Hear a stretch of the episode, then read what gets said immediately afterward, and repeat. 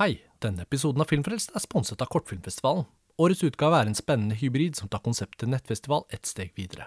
Som i fjor kan du se hele programmet med filmer og arrangementer hjemme i din egen stue via kortfilmfestivalen.no.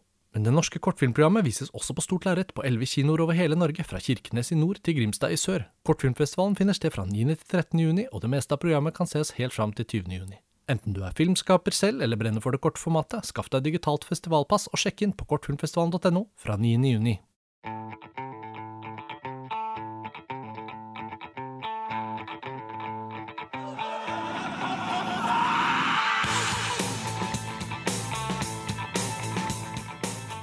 og velkommen til en ny episode av Filmfrelst, podkasten fra filmtidsskriftet montasj.no. Mitt navn er Karsten Meinick, og jeg sitter her i dag sammen med Lars Ole Kristiansen. Hei, Lars Ole. Hei, Karsten. Vi har vært på Oslo Pix og skal i denne og neste episode snakke om våre opplevelser under årets festival. Og den har for oss to vært digital. Oslo Pix offentliggjorde jo at de i siste liten rakk å sette opp noen filmer fra programmet sitt på kino i Oslo, og det har etter alle solmerker fungert godt for hovedstadens befolkning. Og for deg og meg, Lars Ole, så har jo da Oslo Pix forblitt en digitalfestival, som var jo den opprinnelige planen de la da de skjønte at ikke de kunne unnslippe pandemien i år heller. Så hvordan har digital festival eh, fungert eh, for din del? Nei, altså man blir jo vant til det etter hvert. eh, Så selv om man savner kinosalen, så syns jeg jo det har vært artig å ha tilgang til en eksklusiv strømmetjeneste eh, i løpet av den siste uken, og har jo faktisk eh, fått sett en del film etter hvert. Mm. Og så har det vært litt varierende nivå på, på filmene jeg har fått med meg, men stort sett så har det vært en positiv opplevelse. Ja, og det, det skal vi jo ta og snakke litt om. Vi har bestemt oss for å spare noen av de norske titlene til neste episode, men i denne episoden skal vi da snakke litt løst og fast om et knippe filmer vi har sett. Og vi har jo funnet noen sånn fellestrekk mellom disse filmene, Lars Ole. Ja, altså flere av de vi har eh, støtt borti, har liksom eh, på den ene eller andre måten omhandlet coming of age-tematikk, da. Og tatt for seg eh, litt sånn eldre barn, eh, ungdommer, som er, som er i en utforskende fase og kanskje skal finne ut av hvem de er, og som eh, kanskje ønsker å eh, gjøre opprør mot eh, noen betingelser de er gitt. Mm. Og litt sånn munnhuggeri og intriger mellom barn og voksne. Og så må vi jo trekke inn egentlig dette fokuset som Oslo Pix selv har valgt seg, da. Eh, Ettersom festivalen er søsterfestival til Film fra sør, så har vi jo ikke noe særlig sørfilm, eller ingen sørfilmer, eh, på Oslo Pix. Eh, Og så er det også noe med at arabiske filmdager, som også organiseres av dette festivalkontoret i Oslo, tar seg av mye av den arabiskspråklige verden. Så det er jo litt sånn at dette blir litt sånn europeisk slash vesteuropeisk eh, fokus, egentlig, fordi jeg gikk over landene disse filmene er fra, og ja, det blir jo faktisk litt sånn europafokus. Så sånn som det er sagt. Den første filmen jeg tenkte vi kunne snakke om, det er en spansk eh, film som heter Las Niñas, eller Schoolgirls, som den heter i programmet. Og dette er jo en film som hadde sin opprinnelige verdenspremiere på Berlinalen i 2020, like før pandemien brøt ut og, og stengte ned Europa. Den ble vist i dette Generation-programmet, hvor vi så ofte har funnet noen sånne gullkorn. Lars Ole. Jeg føler det er en sånn skikkelig bra seksjon for eh, å gjøre noen eh, funn. Det er jo risikabelt som, som så mange sånne sideseksjoner. Man kan jo støte på mye svakt òg. Men denne Las Niñas er jo en veldig sånn positiv overraskelse, syns jeg, på Oslo Pix, og det var ikke en film vi hadde sett på Berlinalen fra før av. Nei, Uh, Generation-programmet i Berlin har jo gjerne vært litt en sånn fluktrute også, når uh, Når det blir for tøft. Ja, Uh, og, og forum og sånn blir for heftig, så kommer jo gjerne de filmene med en slags underholdningsgaranti. Det man kan risikere, er å havne på en, en live-dubbet visning, der hvor det er en Ja, tysk eh, slags lydbokinnleser som live dubber en film fra f.eks. Eh, Nederland eller eh, Frankrike. Det har jo ofte vært tilfellet med de norske filmene. Ja, så, det, så man har jo hatt noen kjipe opplevelser der borte i, Ja. i Generation også, men ofte har man jo endt opp med å oppdage noen virkelig gode filmer der. Mm. Og dette her ville jo vært eh, en av dem. Ja, og regissøren her, Pilar Palomero, hun uh, har uh, noen filmer uh, på baken, men er litt nytt navn for vår del, da. I hvert fall for min del. om du har hørt om henne fra før av, det vet jeg ikke.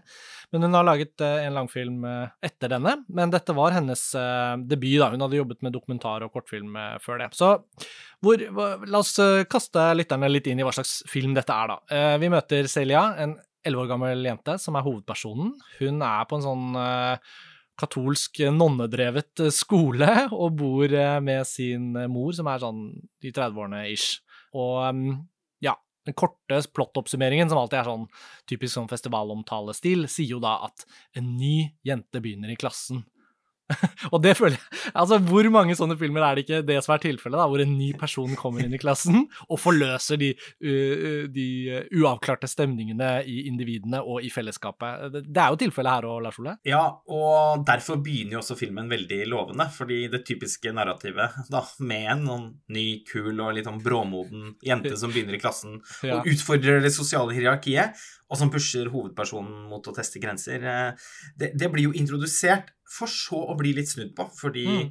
den nye jenta, Brisa, som hun heter, hun har jo ikke noe truende over seg. Hun er jo bare snill og, og varmhjertet og, eh, om enn litt rebelsk, men på en veldig sånn Ja, på en, på en måte som ikke skaper noe frykt eh, hos eh, de andre i, i klassen. Det er vel snarere gjengen med storesøstre som eh, presser disse 11-12-åringene til å drikke sprit og røyke sigaretter uten å inhalere, vel å merke, og, og, bli med på klubb og, og, sånn. Ja, ja, og jeg vil bare skyte inn om denne sjangeren generelt, at jeg syns jo ofte at disse konvensjonelle motivene, eller plot-devicene, kan man si, de er jo litt sånn ønsket òg. Jeg likte det jo litt, at filmen tok noen sånne ikke sant, Hun begynner i klassen der, og så begynner de blikkvekslingene, og så er man liksom i gang, så kjenner man at denne filmen kjenner jeg igjen. Men eh, jeg har mye pent å si om denne filmen, og noe av det første er å bare si meg enig i det du sier, at det er litt sånn forfriskende at man ikke føler at alle konvensjonene følges like tett. Ja, det er jeg enig i. Men eh, desto mer skuffende òg syns jeg det er at filmen tross alt endrer litt karakter underveis. Jeg syns det mm. skjer noe litt uheldig med filmen i det hun Celia uh, sin skam over å ikke ha noen far i livet blir mm. så altoverskyggende. Det katolske eksistensielle drama som oppstår eh, knyttet til det, legger seg på en måte tungt oppå det som til å begynne med var en veldig energisk og humørfylt film, og ender med å flate ut eh, helheten, syns jeg, med noen ganske forutsigbare vendinger mot slutten. Hmm, ja, nei, altså jeg tror kanskje jeg syns det var litt mer greit enn du syns, men samtidig, jeg ser jo veldig godt hva du mener. Den har det derre skillet. Jeg syns kanskje at det mor-datter-forholdet var ganske mm, fint og sterkt egentlig hele veien, men jeg, men, jeg, men jeg, ser jo hvordan du Ja, man mister jo litt taket på en film man kanskje mer har lyst til at den skal være, og det er jo det den introduserer seg selv som i starten. Ja, for jeg tenker at den burde aldri utvikle seg til å bli en såpass tradisjonell historiefortelling. Jeg skulle ønske at den i større grad forble mer sånn stemnings- og situasjonsorientert. Og jeg syns jo også da det er litt uh, synd at eh, 90-tallsportrettet, som begynner så utrolig fresht, mm. også havner litt uh, i, i bakgrunnen her etter hvert, da. Ja, for det sa jeg ikke innledningsvis, men den utspiller seg jo på 90-tallet, og um, produsentene av denne filmen har også produsert for noen år siden en film som het Sommer 1993, som vi vel snakket om, eller ja, har diskutert i noen ulike sammenhenger, en veldig fin spansk oppvekstfilm, det òg. Men jeg tenker jo altså at det visuelle er noe vi kunne snakket litt om her, for det er også noe som føles veldig sånn uh, suggererende i starten. At den, den, tar oss inn med alle disse elementene vi har beskrevet, men så har den jo også et veldig sånn vakkert uh, visuelt uh, språk. Ja, og dette tenker jeg er den aller fremste kvaliteten ved filmen, og som gjør den til en oppdagelse. At her har vi, gjøre, altså, her har vi å gjøre med en skikkelig filmkunstner. Mm. den er altså vanvittig vakkert fotografert i Academy Radio. Mm. Skutt digitalt, men veldig grundig eh, bearbeidet i postproduksjon for å skape et mest mulig analogt inntrykk, jf. 90-talls eh, tidskoloritten man ønsker å skape. Ja, Ja, det er nesten litt sånn som Dolan, Savier Dolan har vært litt sånn 90-tallsinspirert i sine filmer. Så syns jeg liksom noe av den samme eh, Jeg er ikke sikkert hun her har sett mye på Xavier Dolan-filmer, men det er som om de liksom ser til noe av det samme, da. Du, det tror jeg hun har. Altså, jeg tenkte på Dolan og Andrea Arnold med én gang. Ja, ja det er vanskelig å ikke tenke på Andrea Arnold. Ja, og, og, så kan man si at det til og med liksom kanskje legger seg litt for tett opp til eh, noe som har blitt en litt sånn uh, moteestetikk. Eh, mm.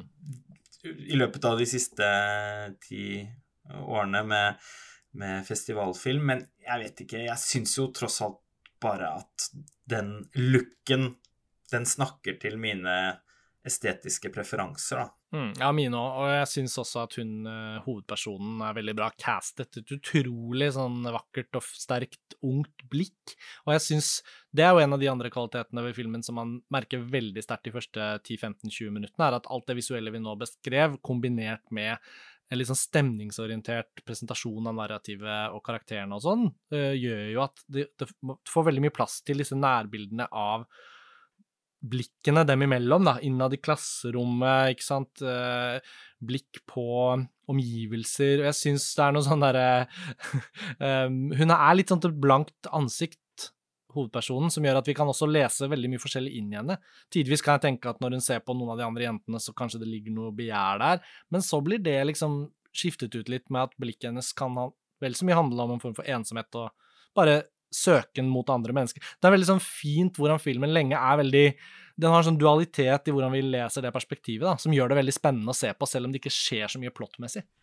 Nei, og det er jo nettopp når det ikke skjer så mye plottmessig, at uh, filmen er på sitt uh, beste, syns jeg, da. Enig. Og uh, jeg har lyst til å nevne navnet på denne fotografen, Daniela Kajias, som tidligere har gjort en annen film som tross alt ikke er helt vellykket, men også eh, lovende, som mm. heter Two Irenes. Ja, Var den også i Generation, eller det, husker jeg feil? Jeg tror Nei, det. Ja, det høres uh, sannsynlig ut. Uh, men bildekomposisjonene hennes er jo ofte sånn at de uh, interesserer seg for veldig sånn bestemte motiver i mm. en scene. Altså et hår eller en, en, en, væske som lukkes opp og igjen, eller hjulet på en motorsykkel. Altså, og det mm. skaper et veldig sånn suggererende, poetisk uttrykk. Mm. Så alt i alt en, en, fin liten oppdagelse fra Oslo Pics med en regissør og en fotograf, og for så vidt noen skuespillere vi kan følge litt med på om de dukker opp igjen eh, på fremtidige festivaler. Og så, hvis vi skal gå til neste film, så tenker jeg vi kunne snakke bitte litt om den britiske filmen Rocks, da, som jo har på papiret en god del til felles med Las Niñas eller Schoolgirls, men som er en veldig annerledes um, type fortelling etter hvert kan man si. Uh, og Rocks den har jo også blitt vist på, på filmfestivalen i, i, Tromsø, i hvert fall. Og ble kanskje vist på Kosmorama òg, og skal på norske kinoer i august, faktisk. Så regissøren her, Sarah Gavron, hun uh, har jo også laget film som har vært på norske kinoer tidligere, sist med denne Suffragette. Og i Rocks så møter vi også en skoleklasse, kan man si, da, eh, i Storbritannia. Men det er en veldig sånn kontemporær film, og veldig sånn moderne med masse mobilklipp fra rollefigurene som filmer seg selv, som klippes inn og sånn. Um, og så zoomer vi liksom veldig inn på hun hovedpersonen og, og, hennes livssituasjon. Da. Og der er det jo også veldig Den dramatiserer jo også veldig sånn hva, Hvordan har hun det på hjemmebane versus hvordan har hun det på skolen? Um, og um, her er det jo ganske mye sånn sosial, nesten litt sånn kjøkkenbenkrealistisk britisk samfunnsblikk, da, som jeg syns kanskje er mye sterkere fokusert på i denne filmen, målt mot Schoolgirls, hvis vi skulle sammenligne dem. Og det er jo ikke så mange punkter for sammenligning, egentlig, men, men hun Rox, da, som er kallenavnet hennes, hovedpersonen, uh, hun opplever at moren hjemme bare forsvinner, og han, hun har en lillebror som hun må ta hånd om. Samtidig så ønsker hun å lykkes sosialt i uh, sitt miljø, og for så vidt at de er jo litt eldre enn jentene i Schoolgirls òg, så det er jo liksom også det der brytningspunktet over i hva man skal bli og drive med. Og hun, er litt sånn der, uh, hun har litt sånn kjøpmannsgen og driver og selger noen sånn uh, greier og tar sminke og friseringsarbeid på si for venninner og andre, så det er noe med hele hennes liksom driftighet da, som kommer i spill i denne filmen. Særlig fordi hun stadig større grad må finne på unnskyldninger og løgner da, for å holde denne virkeligheten hjemme, skjult for miljøet på skolen. Og Da blir jo naturligvis filmen også mer og mer dramatisk, og for så vidt mer og mer alvorlig. da. Og, um, og det er både familiepolitikk og samfunnspolitikk og identitetspolitikk som kommer i en sånn egen stor blanding her. Og um, dette var en film jeg i all hovedsak har likt veldig godt, og anbefalt flere ganger når folk har lurt på hva de skal se på festival. Så ja, jeg syns fortsatt dette er en god film. Nå er det en litt stund siden jeg har sett den i sin helhet, men nå under festivalen så var jeg ganske nysgjerrig på å se litt av den om igjen, siden muligheten bød seg. Så jeg så hele åpningen og et godt stykke inn, og ja, syns i all hovedsak dette er en ganske bra film. Ja, jeg deler nok ikke din uh, begeistring. Nei, jeg vet det. jeg syns den blir veldig forutsigbar, da, uh, i særlig den siste andre halvdelen, og ligner mye på andre sosialrealistiske dramaer i europeisk film fra de siste ja, kanskje 20 årene. Og premisset her kan jo minne en del om Hirokazu Koredas 'Nobody Knows', som jeg da syns er en eh, vesentlig mye eh, klokere film. Eh, og som sier noe litt mer eh, Både noe mer originalt og på en måte også noe mer allmenngyldig om en situasjon der der foreldre svikter sine barn på det aller uh, groveste, da. Mm, mm. Uh, jeg har også problemer med hvordan filmen ser ut. Jeg syns ikke den er tilstrekkelig kunstnerisk uh, behandlet, rett og slett.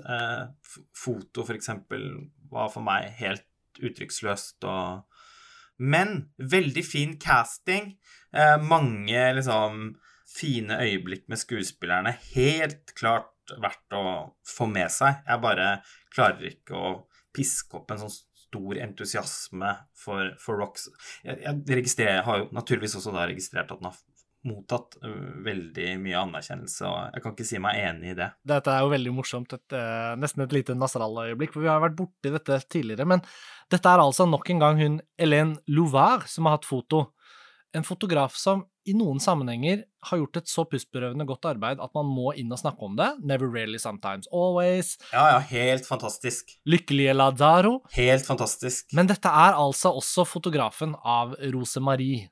Ja. Og nok en gang så viser det seg at kanskje ja, kanskje hun rett og slett er litt ujevn. At det er veldig knyttet til eh, prosjekt og regissør, hva hun kan få ut av det, på en måte. Eller hva hun klarer å bidra med. Ja, for hun er nok også veldig allsidig og fleksibel. Ja. Jeg syns jo de arbeidene hun har gjort for Alice Rowacher, er jo helt fantastiske. Ja. Og eh, de hever jo de, filmene veldig godt. En regissør jeg fortsatt håper skal lage liksom et en skikkelig fantastisk god film, eh, selv om mange har veldig sansen for både La Meda Vid lykkelige, eller Miraklene i Toskana, som det heter på norsk, og, og lykkelige Lazaro, så føler jo Det tror jeg du og jeg er enige om, Alice Rocher, og under den alternative kampfestivalen i fjor så så vi jo Corpo Celeste, endelig, og det er jo hennes beste film. Ja. Nettopp. Men det var sidespor, eh, men det er i hvert fall hun som har også fotografert eh, Rocks, da.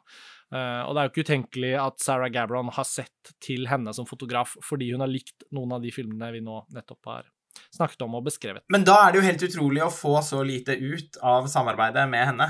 Ja da. Den kunne vært fotografert av hvem som helst, vil jeg påstå. Ja, det er, det er synd at den ikke f.eks. slipper da til noen av Hélène Lovars egenskaper mer, kan man si da. Men jeg, men jeg, må innrømme at jeg er ikke like kritisk som deg til det, men det er litt fordi at jeg tror jeg slo meg til ro med at det kunne være litt sånn uh, functional pedestrian, og at det på en måte var andre ting jeg så etter, da.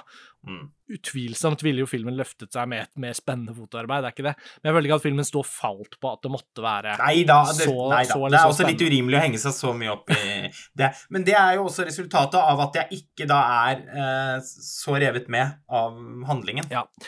Men du, Lars Ole, kunne ikke du fortelle litt om noen av de filmene du har sett som ikke jeg har sett? For du har jo hatt anledning til å se enda et par filmer som knytter litt opp mot denne oppveksttematikken som ikke jeg har rukket å se. Stemmer det. Jeg har eh, sett en italiensk eh, film som heter Bad Tales. Og den er litt sånn Todd Solons og Todd Fields, et glemt navn, eh, møter europeisk surrealistisk festivalkomedie. Ikke ikke min eh, favorittsjanger. Mm. Eh, og liksom ispedd motivet fra, fra skrekkfilmer der, der, barn er det onde. og går i flokk. Som i 'Village of the Damned', 'Children of the Corn', den spanske 'Who Can Kill a Child'. Jeg må, jeg må innrømme at jeg syns det var ganske morsomt å høre deg beskrive en sånn rekke, for det høres ut som at poenget med å trekke såpass mange ulike elementer inn, er at kanskje dette er en litt sånn suppeaktig inspirert film, da, hvor du ser inspirasjonskildene veldig tydelig. Det er min spekulasjon fra utsiden. Jeg har sett traileren. Mm. Ja, altså Filmen handler jo da om et overklassenabolag der de voksne er som sånn zombier i egne liv, som bare er opptatt av overflate og status, og eh, som soler seg, drikker drinker, og som har et litt sånn forkvaklet forhold til seksualitet. Og barna og ungdommen i filmen er da et, et resultat av eh, den måten å forholde seg til livet på. Liksom fremmedgjorte og apatiske, og seksuelt utforskende, men uten noe gnist. Det er liksom akkurat som de er liksom tappet for all vilje. Og i en slags underverden på rommene sine, som stadig er fylt til randen av masse kostbare leker og kosedyr, så har de da latt seg inspirere av naturfagslæreren på skolen og bygger bomber for å sprenge hele nabolaget i lufta. Oi. Og, det er såpass, ja. Og uh, Bad Tales, eller Favolace, som er dens originale tittel, blir jo da en sånn film som prøver å være veldig grenseoverskridende. Uh, for eksempel var innlemme en scene der en karakter presser brystmelk på Oreo-kjeksen sin. Uh, eller med litt sånn upassende situasjoner mellom voksne og barn, inkludert vold. og veldig maskuline, solbrente italienske menn som skriker kjempehøyt. Og det, Alt er veldig gjennomarbeida visuelt. Uttrykksfullt iscenesatt, liksom badet i varmt, gyllent sollys. eh, fanget opp av det som ser ut som analog film. Jeg mistenker at den kanskje egentlig er digital, bare veldig grundig bearbeida i postproduksjon. Eh, mange lange tagninger og isolert sett da på en måte suggererende eh, kamerabevegelser. Eh, det er en sånn strøk av italiensk virtuositet eh, her. Men alt i alt så sitter jeg på en måte stort sett og føler på at noen har forsøkt å lage noe som er vesentlig mer skarpt og dybdeborende enn det man har fått til. Ja. Den er verdt å se, vil jeg si, eh, fordi den er i det minste mislykket på en interessant måte. Det er jo ideer i spill her. Men uh, ja, jeg har ikke så mye godt å si om den utover det. Det er en slags Det er en sånn duo, da. To, to brødre som, mm. som har uh, regissert den, og som etter hva jeg har skjønt, har fått ganske mye oppmerksomhet i Italia. Ja, de har jo nå har de jo ikke lenger Taviani-brødrene, uh, så kanskje Italia trenger et nytt brødrepar som kan kaste et skinnende lys på autørhimmelen i fremtiden. De såkalte Dinocenzo-brødrene. ja. Nei, jeg, altså jeg, jeg, har jo registrert en litt sånn laber buzz for så vidt på denne filmen, men jeg er glad du så den og kunne rapportere tilbake. Den hadde jo premiere på Panorama-seksjonen i Berlin også da i 2020. Eh, like før pandemien brøt ut. Så vi får notere oss da, at disse gutta holder på, og kanskje kommer det noe fra den kanten eh, i uh, årene som kommer som viser litt mer retning enn det høres ut som eh, du spottet her. Um, jeg vet at du også har sett en finsk film, Lars Ole, og det gjør meg jo litt nysgjerrig, fordi finsk film opplever jeg jo at lenge har vært selvfølgelig dypt forankret i Kaurismäkis arv og hans mm. bror. og Likevel så kom det en helt ny finsk film inn i hovedkonkurranseprogrammet i Cannes nå forrige uke, da den nyheten glapp. Og det var han som hadde mm, laget uh, Olimeki, uh, som uh, vant hovedprisen i Sertan Vegar for noen år siden. Og er det lov å håpe at det kanskje skjer noe i finsk film, eller eh, hva, hva er det du har oppdaget eh, på Oslo Pics-programmet? Ja, jeg har jo da sett den filmen Any Day Now, som følger en iransk familie som kommer til Finland for å søke asyl. Og eh, mens de da avventer svar på, på søknaden sin, så eh, følger vi Ramin, eh, som er sønnen i familien, som da begynner på finsk skole og er sånn ja, i den overgangsfasen mellom barn og ungdom. Det er jo da et mm. gjennomgangsmotiv i, så, i, filmene vi har snakket om i denne episoden her. Ja. og blir forelsket i en jente i klassen og, på en måte, og får en bestevenn og knytter seg veldig. Og eh, den er jo da basert på regissørens egne opplevelser fra barndommen, og det er kanskje årsaken til at den har så underlig tidskoloritt. Den eh, er veldig Eh, fint fotografert på analogfilm. Det kan til og med se ut som det er 16 millimeter. Mm. Og her snakker man virkelig om noen som har jobbet veldig liksom, grundig med bildene og med iscenesettelsen, som jeg setter stor pris på. Men på en underlig måte så får filmen et sånn 70 tidlig 80-tallspreg som lenge er ganske forvirrende. Det ser på en måte ut til å være en periodefilm. Det er en islett av nostalgi og flere litt sånn anakronistiske elementer som i alle fall gjorde meg litt forvirret idet noen tok opp en Mac og svarte på en e-post. Så det er i det hele tatt uh, noe med, med uh, at filmen ikke helt klarer å finne ja, du nevnte uttrykket 'å finne en retning' i, mm. i stad i forbindelse med den Bad Tales, og her er det dessverre også ganske retningsløst og veldig sentimentalt, dessverre. Det er på en sånn et, et velmenende humanisme på sitt absolutt kjedeligste, syns jeg. Og filmen er altfor enkel og, og barnslig på en måte til å være engasjerende for voksne, etter mitt syn. Og altfor kjedelig og begivenhetsløs til å kunne engasjere barn eller ungdommer, hvis det er en slags eh, målgruppe her. Så jeg mm. opplever at den faller egentlig mellom alle stoler. Og på tross av at uh, filmen springer i mange retninger underveis, så ender den akkurat der du vet at den kommer til å ende. Så altså, jeg syns det var en virkelig svak film. Ja. Desto mer synd er det at, den, at, at, denne filmen her er såpass kraftløs.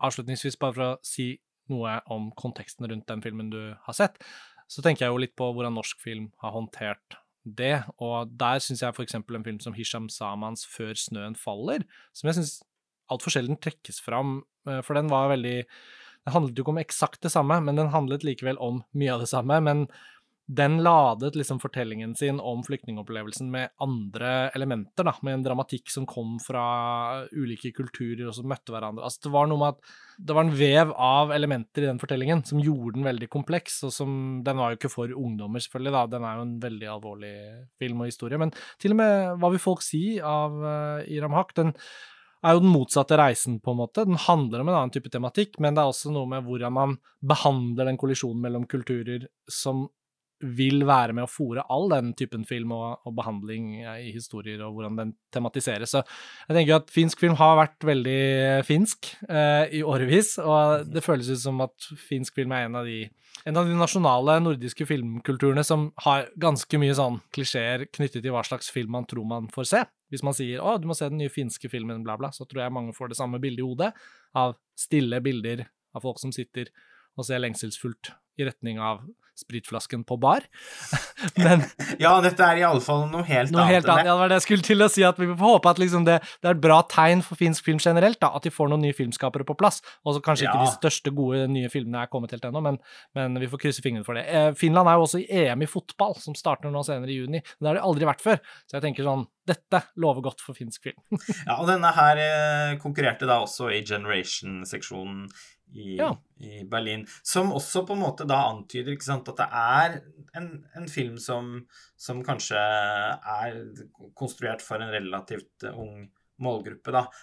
Men desto mer bedrøvelig er det at den man, man, forstår hvor den skal hele veien, selv om den løper i så mange forskjellige retninger. Nettopp derfor så lykkes den ikke med å utforske eh, noen av situasjonene underveis i fortellingen. Mm. Være seg en gryende forelskelse eller det å, å, oppleve Kjenne på en fremmedgjorthet i en, ny kultur osv.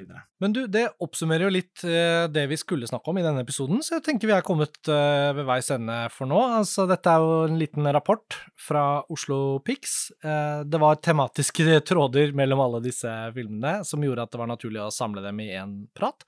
Og så skal vi jo returnere i neste episode til et litt annet fokus. Litt mer norsk og litt mer dokumentar, kan vi avsløre. Lars Ole, takk for denne gang. Vi høres veldig snart igjen. Det gjør vi. Ha det bra. Ha det bra.